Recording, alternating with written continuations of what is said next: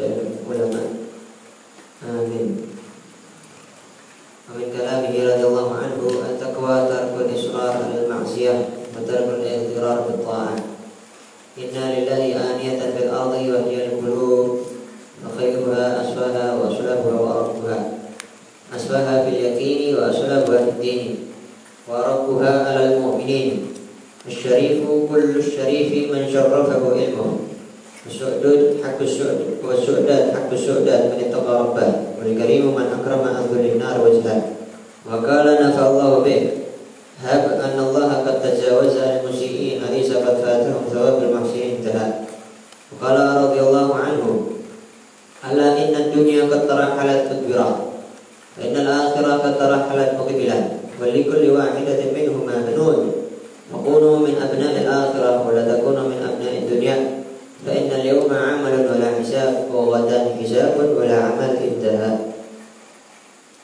ومن ذلك ما يروى عن الإمام الحسن بن علي شبت رسول الله صلى الله عليه وسلم قال رضي الله عنه قل في الدنيا ببدانك وفي الآخرة بقلبك وكان يقول لبنيه وبني أخيه تعلموا العلم فإن لم تستطيعوا حفظه فاكتبوه وضعوه في بيوتكم. ila akhiri makalah radhiyallahu anhu warḍah. Bismillahirrahmanirrahim. Alhamdulillah wassalatu wassalamu ala rasulillah sayyidina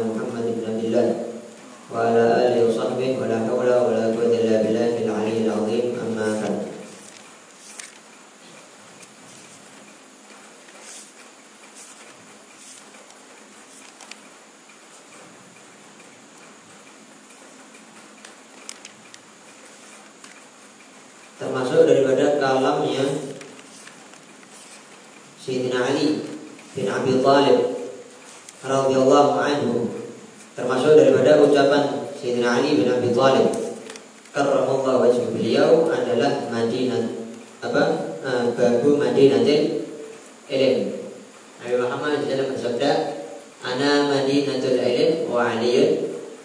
Ha babuha faman arada al-Madinah fayati bimbabiha. Aku adalah kotanya ilmu kata Nabi. Dan Sayyidina Ali adalah pintunya. Faman arada al-Madinah siapa yang ingin masuk ke kota maka melewati pintunya, melewati Sayyidina Ali bin Abi Thalib. Beliau bilang berkata tentang apa itu takwa. Kata beliau takwa adalah tarkul israr al ma'siyah. Meninggalkan terus menerus di dalam maksiat meninggalkan hobi yang suka bermaksiat wadarkul ikhtirar ta'ah dan meninggalkan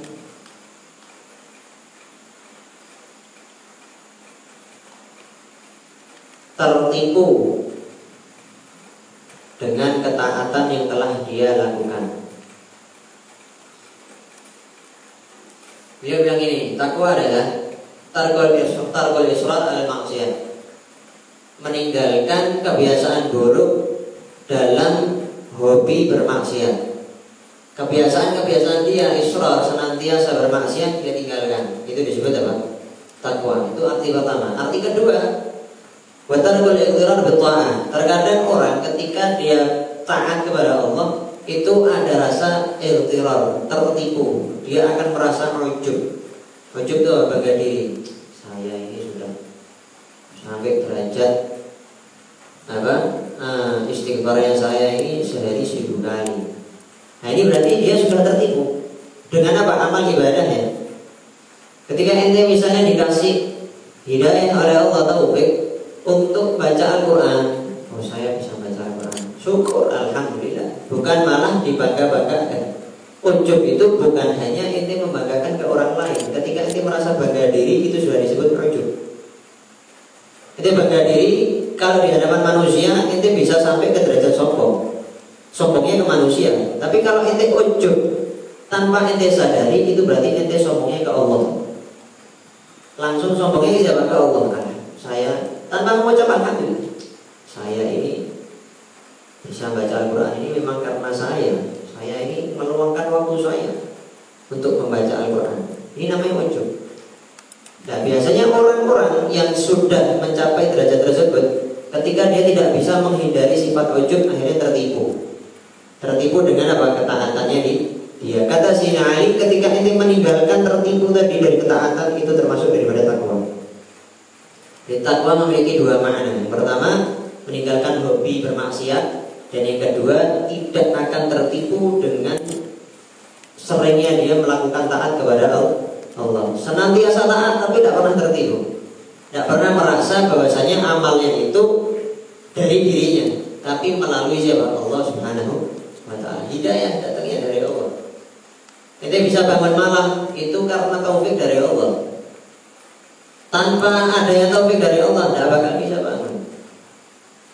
Kita bisa mondok itu taufik dari Allah, hidayah dari Allah. Tanpa taufik, tanpa hidayah dari Allah, tidak bakal itu sampai derajat sampai derajat yang luar biasa ini talibul ilm derajat yang apa namanya tintanya ente buat tulis itu mengalahkan daripada darahnya orang yang mati ya. Syahid.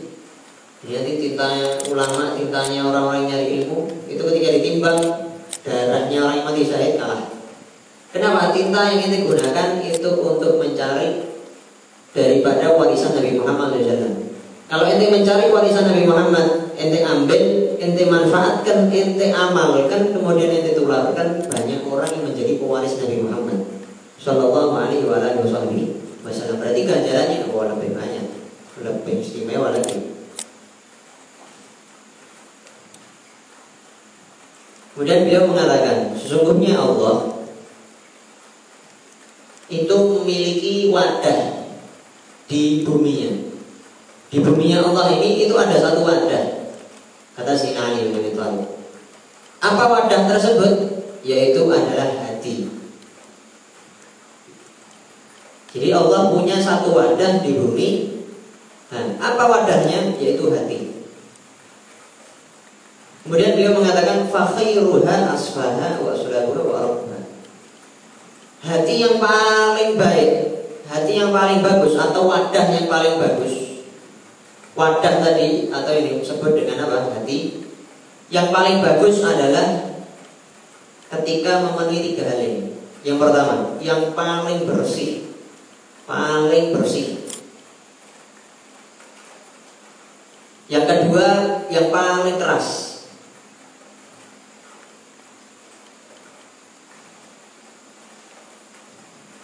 Dan yang ketiga yang paling lembut berbeda yang keras kan lembut? Kan ada tiga. Yang pertama yang paling bersih. Maksudnya kata sini Ali apa maksudnya yang paling bersih? Paling bersih di dalam keyakinannya. Paling bersih di dalam apa? Keyakinannya. Artinya apa paling bersih dari keyakinannya? Keyakinannya hanya murni beriman kepada Allah dan Rasulullah. Sallallahu Alaihi Wasallam. Artinya tidak ada lagi keyakinan selain itu. Berarti Hati yang wadah yang tidak bersih adalah wadah yang tidak paling bersih di dalam keyakinan yang kepada Allah. Semakin dia yakin kepada Allah berarti semakin bersih hatinya. Faham? Semakin yakin dia sama Allah semakin bersih hatinya. Semakin yakin, makanya nanti kalau belajar yakin, saya yakin bisa. Hati ini pasti akan lebih bersih. Lebih bersih, lebih bersih. Berarti cara kalau dari hati tambah keyakinan sama Allah. Cara melaundry hati. Hati mau dibersihkan. Cara gimana? Tambah keyakinan sama Allah. Saya yakin semua takdir Allah itu pasti yang terbaik. Semuanya pasti yang terbaik. Kasih Ali bin Abi Thalib di dalam kalam yang lain beliau mengatakan begini. Ada empat ketenangan. Ente bisa mendapatkan empat ketenangan di dalam empat hal. Apa? Kata saya ini, Sayyidina Ali bin Abi Thalib. Ente bisa mendapatkan berapa ketenangan? Hah? Empat ketenangan di dalam empat hal. Yang pertama, rahatul jisim fi qillatit Ketenangan badan. Kenikmatan badan yang ente punya di dalam sedikitnya makan. Kalau ente sedikit makan, badan ente tenang, enak santai. Ya tidak terlalu kurus tidak terlalu gendut. Kurus ditiup mabur. Gendut naik mati kabotan santai. Jadi kalau mau tenang ya sedikit makannya ikuti cara Nabi Muhammad itu paling enak. Berhenti sebelum kenyang makan ketika lah. Apa? Nah, ini kan makan tidak kenyang kenyang makan tidak kenyang kenyang tapi cara Nabi Muhammad SAW sedikit makannya, caranya makan waktu kenyang, kemudian berhenti sebelum sebelum apa? Sebelum lapar, sebelum kenyang. Sebelum kenyang. Makan ketika lapar, berhenti sebelum ke Ya sama kayak tidur, tidur itu waktu ngantuk. Jangan kalau tidak ngantuk kok tidur tidur no. Di Ehya dijelaskan, adabnya tidur tuh gitu. Waktu ngantuk baru tidur. Ngantuk nah tidur. Ini tidak ngantuk. Anak mau tidur asik jam 8 dengan belum ngantuk. Dapat apa? Eman. Buat ibadah buat ketolakan buat murojaah gitu. Tidak ngantuk baru tidur. Jangan dipaksa ngantuk paksa saya ngantuk tidur. Tapi jangan ngantuk terus. Ini berpaksa terus. Yang kedua, jadi kan rahmatul jisim fikir paham Yang kedua, rahatun nafsi fi qillatil adam. Ketenangan jiwa di sedih, di dalam sedikitnya dosa. Ketenangan jiwa di dalam sedikitnya do, dosa. Kalau dosanya sedikit tenang, jiwanya tenang, jiwa hati, hawa nafsu. Hawa nafsunya tenang. Kalau dosanya banyak, berontak kebiasaan dia maksiat ya nafsunya akan berontak. Ayo lakukan lagi kebiasaan ini. Ayo tidak tenang. Melakukan taat kayak tidak enak. Kenapa? Sudah kebiasaan kelezatan maksiat tapi kalau hatinya tenang sedikit bermaksiat dosanya sedikit akhirnya dia akan menikmati di dalam merasakan kelezatan beribadah kepada kepada Allah. Dulu ada sahabat Nabi Sallallahu Alaihi Wasallam. Itu ketika banyak anak panah di tubuhnya. Kemudian mau diambil zaman dulu kan tidak ada ini apa? Sahabat Nabi ya, lupa. Pokoknya ada seorang orang soleh ini ya. Itu ketika ada anak panah mungkin sahabat Nabi. Ketika ada anak panah di tubuhnya kemudian dokter zaman dulu itu nawari. Mau dibius benar mau bius benar mau dibius benar ini orang bilang kamu mencegah saya untuk mengingat Allah Subhanahu Wa Taala? Orang dibius itu sadar enggak? Tidak sadar. Langsung tidak sadar. Lah orang soleh itu tidak mau sedetik lupa sama Allah itu tidak mau. Ente mau bius saya berarti kamu mau mencegah saya untuk mengingat Allah untuk berzikir kepada Allah. Anda tidak mau dibius. Anda di sini sholat cabutan. Hari udah sholat dicabut.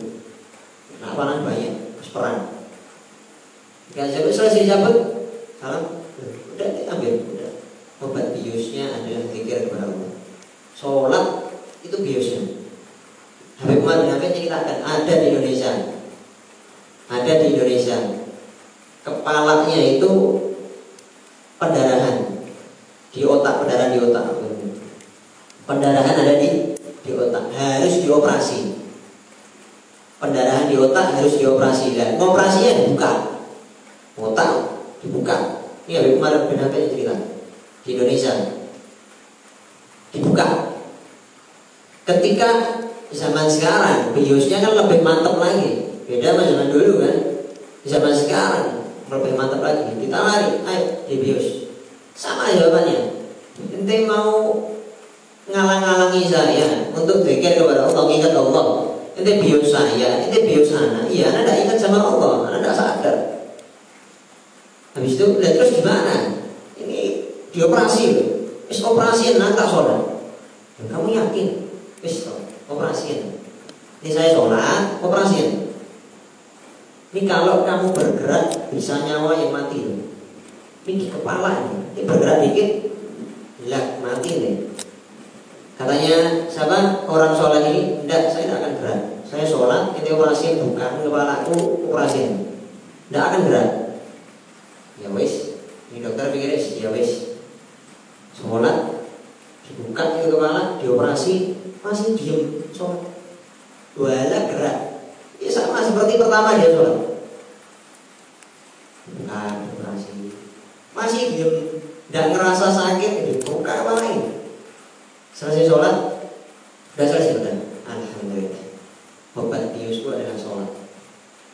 Nah itu kenapa sudah merasakan kelezatan beribadah kepada Akhirnya masuk dalam sholat, nah dokternya tahu, oh ini orang berarti sudah istighraq mendalami di dalam melakukan kenikmatan beribadah kepada Allah. Ketika masuk sholat, dia sudah mendalami kenikmatan langsung dioperasi. Tidak ngerasa kenapa-apa. Kenapa? Sudah merasakan kenikmatan. Orang kalau sudah apa mabuk dalam kecintaan kepada Allah tidak merasakan yang lain. Kemudian yang ketiga kata Sayyidina Ali bin Abi Thalib, warahatul lisan fi qillatil kalam. Ketenangan lisan di dalam sedikit berbicara. Ketenangan lisan di dalam sedikit berbicara. Kau kira ngomong ya enggak tenang belas lisannya. Tapi kalau ya ngomong sepentingnya, ngomong yang penting tentang dunia, misalnya tentang jual beli itu harganya berapa, ya sudah, tidak perlu tanya, tidak perlu tanya-tanya macam-macam. Tentang akhirat ya ini bahas ilmu, murojaah. Selain itu tidak perlu, tidak perlu kayak Bani Israel yang suruh nyembelih sapi, sapinya yang bagaimana? warnai wah tanya lagi ini yang diperintah ya sudah. Penting untuk ngomong bicara tidak penting diam apalagi sama sekali? Lebih baik untuk di diam makanya ada apa Nabi bersabda aslim taslam. Ente pasrah maksudnya diam itu akan membuat itu selamat. Dimo lebih bikin apa? Selamat. Lebih aslam apalagi di zaman sekarang. Nah, suku itu salamah. Diam itu menimbulkan keselamatan. Karena kalau ente tidak memperbanyak diam, malah memperbanyak berbicara, terlebih menyebar berita hoax, nah akhirnya timbul fitnah. Fitnah timbul fitnah. Dan yang keempat kata beliau warahatul qalbi fit tawakkul ala rabbi kulli kulli dan ketenangan hati ketenangan hati di dalam bertawakal berser, berpasrah diri kepada Allah Subhanahu wa taala. Kalau hatinya tenang, ya pasrah, guys. Tawakal kepada Allah. Orang yang tenang hatinya itu yang tidak berusaha gerusu. Tahu berusaha gerusu dah? Berusaha hatinya berusaha. Kenapa? Tidak tawakal, serah diri sama Allah ente usaha selebihnya serahkan sama Allah. Allah itu namanya apa? Tawakal. Tapi kalau ente tidak ada usaha tawakal dok, kan rezeki sudah ditentukan tak tunggu di rumah lagi. Tidak bisa. Harus ada apa? Tawakal. Kalau ente tawakal serah diri sama Allah, tenang hati. Pokoknya.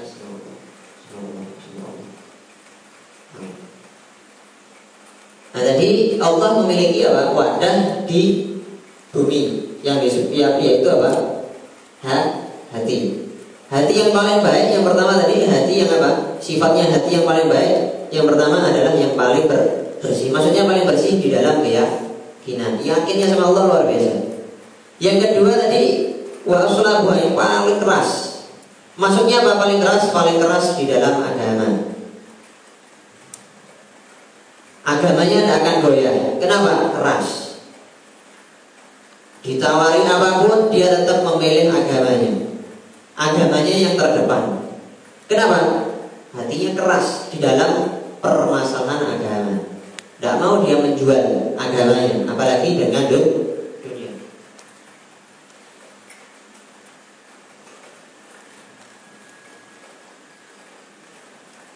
Kul bikasbik Wala ta'kul bidinik Kul bikasbik wala takul bidi Kul bikasbik, makanlah dengan usahamu, pekerjaanmu. Hasil usaha, hasil pekerjaan.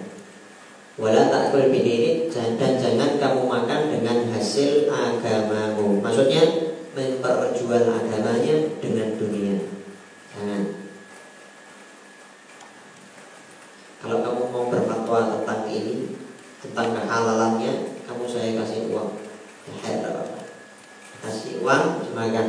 Nah ini haram. Memperjual agamanya dengan apa? Dengan dunia. Tapi makan pakai apa? Pakai kasar, yang usaha, bekerja.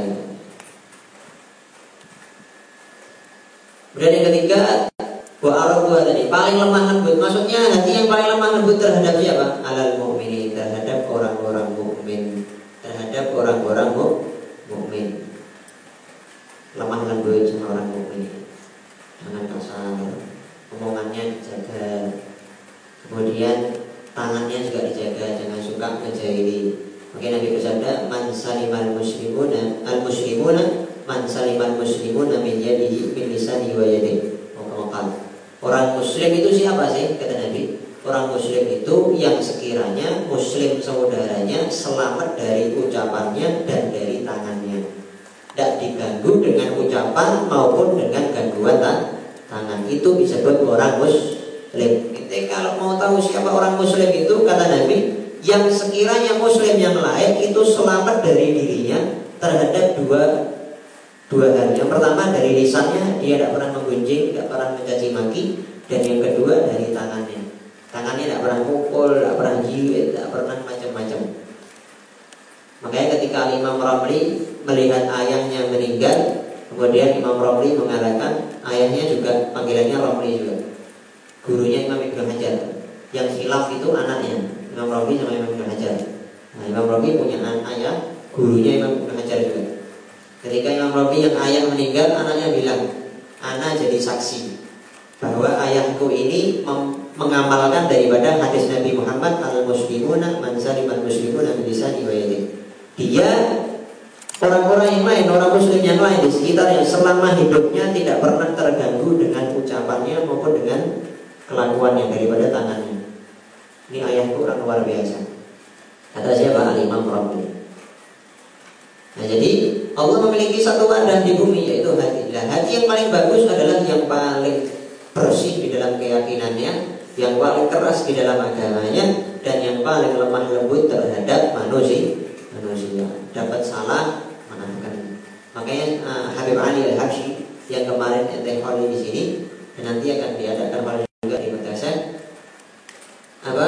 Uh, beliau itu punya kebiasaan setiap mau tidur beliau memaafkan sesiapapun yang punya salah sama beliau. Yang diketahui maupun yang tidak diketahui. Yang diketahui contohnya ada yang mencaci maki beliau. Sebelum tidur dimaafkan ya Allah saya maafkan dia. Yang tidak diketahui seperti menggonjeng. Ada yang menggonjeng saya akan Ali Habsyi dimaafkan sama Habib siapa pun ya Allah yang punya salah sama saya mau saya ketahui atau tidak saya maafkan semuanya nah orang-orang seperti ini dapat jaminan dari Allah yang pahalanya tidak ada yang tahu kecuali hanya Allah, Allah Subhanahu wa taala yaitu orang-orang yang memaafkan. Jadi ada tiga amalan yang hanya Allah saja yang tahu pahalanya. Tidak ada yang tahu kecuali Allah. Nabi Muhammad tidak tahu saking besarnya pahalanya. Yang pertama orang yang bersabar. Inama yuwaffas-sabiruna ajrahum bighairi hisab. Orang-orang yang sabar itu diberi sama Allah pahalanya Bighairi hisab. Tidak tahu sudah Pahalanya siapa yang tahu? Ya, nanti. Di hari kiamat baru ditampakkan sama Allah. Di, di hari akhir Waktu timbang nanti baru ditampakkan sama Allah. Yang kedua orang yang berpuasa. Yang kedua apa? Orang yang berpuasa. Dan yang ketiga adalah orang yang suka memaafkan orang lain Orang yang suka memaafkan orang lain Ada berapa? Tiga amalan Orang yang bersabar, berpuasa memaafkan kesalahan orang lain. Tiga orang ini nanti di hari kiamat ada yang berseru. Ayo siapa ini orang-orang yang amalannya hanya Allah saja yang tahu pahalanya. Siapa ini dipanggil? Akhirnya datanglah tiga kelompok ini.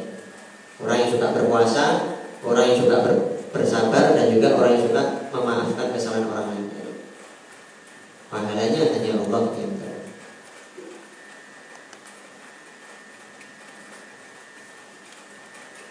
Kemudian Sayyidina Ali mengatakan Syarif kudu syarif man syarrafahu ilmu Orang yang mulia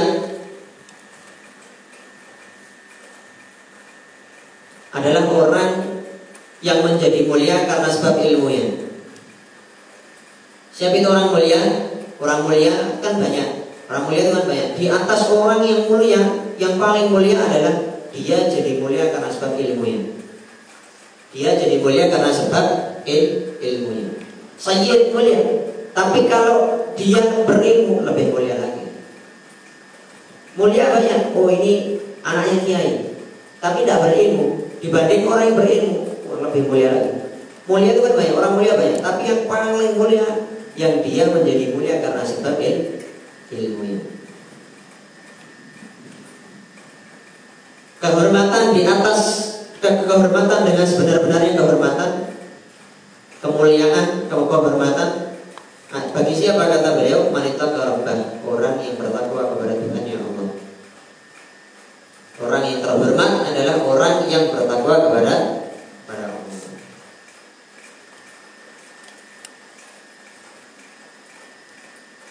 jadi orang yang tidak memiliki rasa takut kepada Allah takwa kepada Allah ini orang yang terhina bukan orang yang terhormat Wal karim man akrama anzulin nar wajhah.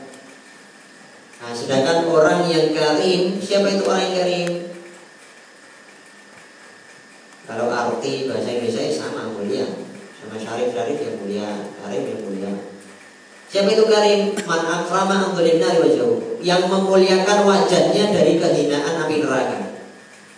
Yang memuliakan wajahnya dari kehinaan api neraka. Maksudnya apa? wajahnya tidak pernah dia gunakan untuk bermaksiat kepada Allah. Karena kalau wajahnya, apa yang ada di wajah? Mata, lisan, hidung, ya kan? Nah itu sumber sumbernya maksiat mata sumber maksiat kelihatan yang diharamkan oleh Allah Subhanahu Wa Taala. Ketika dia berani untuk bermaksiat kepada Allah menggunakan apa yang ada di wajahnya, akhirnya dia akan terjerumus dalam kehinaan api neraka wajahnya jelunggep ada di mati neraka. Tapi kalau dia memuliakan wajahnya, matanya tidak dia gunakan untuk beribadah. Nah ini wajah mulia, kenapa? Tidak disentuh oleh api neraka. Nah orang yang karim adalah orang yang memuliakan wajahnya dari sehingga tidak apa namanya uh, tidak masuk ke dalam kehinaan api neraka. Oke, Sina Ali karramallahu wajah. Semoga Allah memuliakan wajahnya Kenapa? Beliau menjaga apa yang ada di wajahnya daripada kehinaan-kehinaan api neraka maksiat. Dia mengatakan karena beliau tidak pernah melihat aurat sekalipun. Walaupun aurat dirinya sendiri. Makanya disebut apa? Karramallahu wajah. Semoga Allah memuliakan wajah Sayyidina Ali.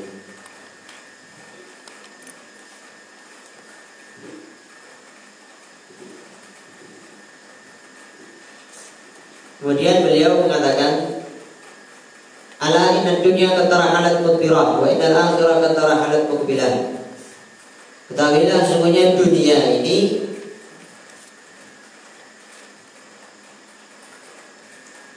Dia berjalan